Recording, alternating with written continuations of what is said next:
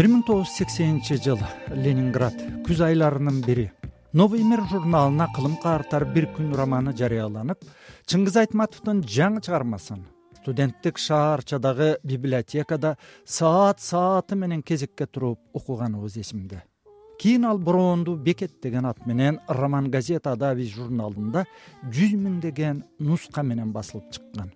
Ошондон кийин гана өзүнчө китеп болуп чыкты ошондо кылым каартар бир күндү чехословакиялык студент михаил лоштак да окуп көп нерселерге көз ачылат. По моему это было восемьдесят. Бул менимче бир миң тогуз жүз сексен үчүнчү жыл болсо керек.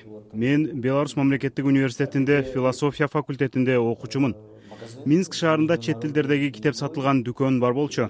Анда чехословакияда эл тытып окуган китептер да сатылчу гдрлик немис жолдош кызымдан биринчи жолу чыңгыз айтматов жөнүндө уккам ошол дүкөнгө кокус кирсем айтматовдун китеби чех тилинде бар экен.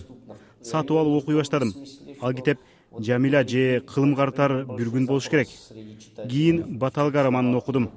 Кийин бириги үч чыгарма чехословакияда бир томдук болуп чыкты. Айтматовдун китептери биздин үйдө бар болчу токсон жетинчи жылы шумпер шаарын суу каптаганда ал китептердин баары анын ичинде чыңгыз айтматовдун китептери да кетти. Книги уничтожилось наводнение михаил лоштак бүгүн чехиянын айыл чарба университетинин биринчи проректору профессор. Европа тилдеринде чыкчу бир нече социологиялык журналдын редакторлор кеңешинин мүчөсү. Илимпоздун айтымында чыңгыз айтматовдун ысымы мурдакы чехословакия социалисттик республикасынын интеллигенттер чөйрөсүндө жакшы эле белгилүү болгон экен. А вы знаете они уже должны были быть потому что чыңгыз айтматовдун китептери бар болушу керек эле. Мен өзүм айтматовдун китептерин минскиден сатып алгам. Үйгө алып келсем атам да кызыгып окуган. Кийин атам менен шумпер шаардык библиотекасына чыңгыз айтматовдун китептерин алып окуйлу деп барганбыз. Ал эми дүкөндөрдө болгонбу же жокпу билбейм себеби менде айтматовдун китептери бар эле. Сексенинчи жылдардын аягында мени менен айыл чарба университетинде чогуу иштеген мугалимдер чыңгыз айтматовду билишчү. То они естественно айтматова знали профессор лоштактын айтымында анын мууну сталин заманындагы репрессиянын кесепети кыргыздарга да тийгенин обол кылым каартар бир күн романынан билишкен честно говоря для меня вот это было в то время мен үчүн чыңгыз айтматовдун китептери айкындуулуктун кайра куруунун символу болду. Мен кылым картаар бир күн романын айтып жатам. Биз чехтер ал кезде сүйлөмдүн артына катылган ойлорду таап окуп калганбыз. Кылым картаар бир күндө сталинизм кыйыр түрдө сындалган. Сталинизмдин кесепети орус эместерге дагы тийгенин айтматовдун китебинен билгем. Сталинизм кыргыз жана казактарга кандай залал кылганын буранный станциясында жашаган адамдардын тагдырынан көргөнбүз. Чыңгыз айтматовдун да атасы репрессия болуп атылып кеткенин кийин билдим. Айтматов сталинизмдин маңызын көркөм сюжеттер аркылуу абдан чоң чеберчилик менен айтып берет. Он вот в этой своем подходе умственно сумел айтматовго чехословакияда болгон чоң кызыгуунун дагы бир себеби ал учурда чссрге кайра куруунун жел аргысы жете элек болчу ссср бир миң тогуз жүз отузунчу элүүнчү жылдары баштан кечирген саясий жараяндар тууралуу бизде айтылчу эмес. Эл да ал жараяндардан бейкабар эле. Чыңгыз айтматов ал окуялар жөнүндө ачыктан ачык болбосо да саптардын артында жазып жатпайбы. Мисалы башына тери шири кийгизип акыл эсинен ажыратылган маңкурт жөнүндөгү легенданын символикалык мааниси өтө күчтүү. Сильная символика өстегин унутуп. Манкурт кейпин кийген адам коом үчүн кандай коркунучтуу экенин чыңгыз айтматов жоломандын образы аркылуу көрсөтөт. Бүгүн идеологиялык буйрутманы аткарган масс медиада адамдарды маңкуртка айландырууда деген оюн айтты илимпоз социолог лоштак что режим система айтматов жазгандай режим система адамды маңкуртка айлантканда ал өз наслин унутат. Киши өз уңгусун унуткан соң баарына атүгүл киши өлтүргөнгө да даяр болот. Сиз хана аренттин гестапонун офицери адольф эйхманга байланыштуу китебин окусаңыз керек.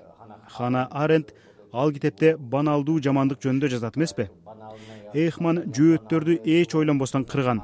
Анын арты эмне болоорун ойлогон эмес. Маңкуртка айланган жоломан да эч ойлонбостон өз энеси найман энени өлтүрөт ушундай өз уңгусун унуткан адамдын коркунучу чыңгыз айтматовдун кылым картаар бир күн китебинин өзөгүн түзөт да мен үчүн кылым картаар бир күн тегин унуткан адам коом өлкө адамзат менен эмне болоорун чагылдырган символ. Маңкурттун окуясы балким чыңгызхандын доорунда же андан мурда болгондур. Бирок айтматов жазган маңкурттар бүгүн да пайда болушу мүмкүн. Азыр брейн washing деген бар го. Брейн washing маңкурттарды жаратат да бүгүн массалык маалымат каражаттары бизди маңкурт кылып жатат. Чыңгыз айтматов ошол кезде эле биз бүгүн кайда тураарыбызды көрө билген деп ойлойм. Биз ошон үчүн өткөн тарыхты ата бабаларыбыз басып өткөн жолду унутпашыбыз керек. Эгер өткөндү унутуп салсак бүттү. Кыямат кайым болот. Своим прошлым конец чыңгыз айтматовдун чыгармаларынын чехословакиядагы коомдук аң сезимге тийгизген таасири жөнүндө чехиялык илимпоз профессор михаил лоштак менен маектүү кылып жатасыздар. Бир миң тогуз жүз сексенинчи жылдардын экинчи жарымында мурдакы сссрде кайра куруу айкындык жарыяны башталганда чыңгыз айтматов валентин распутин григорий бакланов сыяктуу жазуучулар коомдун көйгөйлөрүнө калайык калктын көзүн ачууда чоң роль ойногон. А коммунисттик чехословакияда да чыңгыз айтматовдой коомдогу талуу маселелерди батыл айткан жазуучулар бар беле. Бул суроомо михаил лоштак мырза мындай деди. Вы знаете таких авторов было было и они андай күчтүү жазуучулар бар болчу бирок алар маселеге такыр башкача мамиле кылышкан. Сссрде айкындык бар эле мен сексен жетинчи жылы университетти бүтүп чехословакияга кайтып келсем эч кандай айкындык жок экен.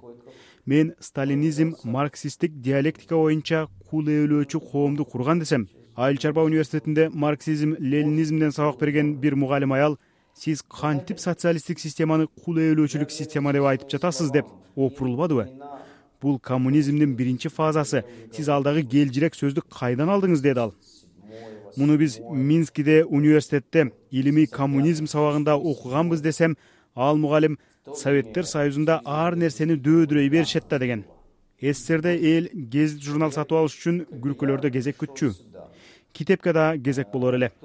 Сексенинчи жылдардын экинчи жарымында советтер союзунда интеллектуалдык мейкиндик бар эле ссср чехословакияга караганда ачык болчу. Более открытым чем здесь в чехословакии муундар ортосундагы ажырымды чыңгыз айтматов кылым каартар бир күн романындагы казангапты акыр сапарга узатуу сюжетинде европалыктарга ачып көрсөттү дейт профессор лоштак вот вот да да киргизско советский я мен чыңгыз айтматовду кыргыз совет жазуучусу деп кабыл алгам казангаптын сөөгүн баранлы станциясынан ана бейит көрүстөнүнө алып бараткан учур көз алдыман кетпейт. Ошондо көрүстөнгө аларды киргизбейт. Асманга ракета учурулат эмеспи? Мен бул сюжеттен муундар ортосундагы ажырымды салтты бекем туткан улуу курактагылар менен ата бабалары аздектеп күткөн салтты жөн эле унутуп салгысы келген жаштардын ортосундагы жараканы көрдүм. Себеби жаштар советтик адам болуп калган айтматов бул окуя менен бир жагынан советтик адамдардын тагдырын экинчи жактан биз кыргызбыз деп кыргыздардын көйгөйүн көрсөтөт. Ал жамиля повестинде биз жазмыштын буйругу менен сссрдин курамына кирип калганбыз. Бирок өзүбүздүн салт санаабыз бар элбиз. сссрдин бир бөлүгү болбосок экинчи дүйнөлүк согуш бизди жандап өтүшү мүмкүн эле деген ойду берет чыңгыз айтматов өкмөттүк басмалардан чыккан китептеринде мурда айтууга тыюу салынган нерселерди айтып берди. Орто азия мен минскидеги университетте окуп жүргөндө көргөн ссср эмес экенин түшүндүм. Деди чехиялык аалым педагог профессор михаил лоштак. Эсиңе кел сенин атың жоломан. Атаңдын аты дөнөнбай сенин уруң найман болот. Эсиңе кел уулум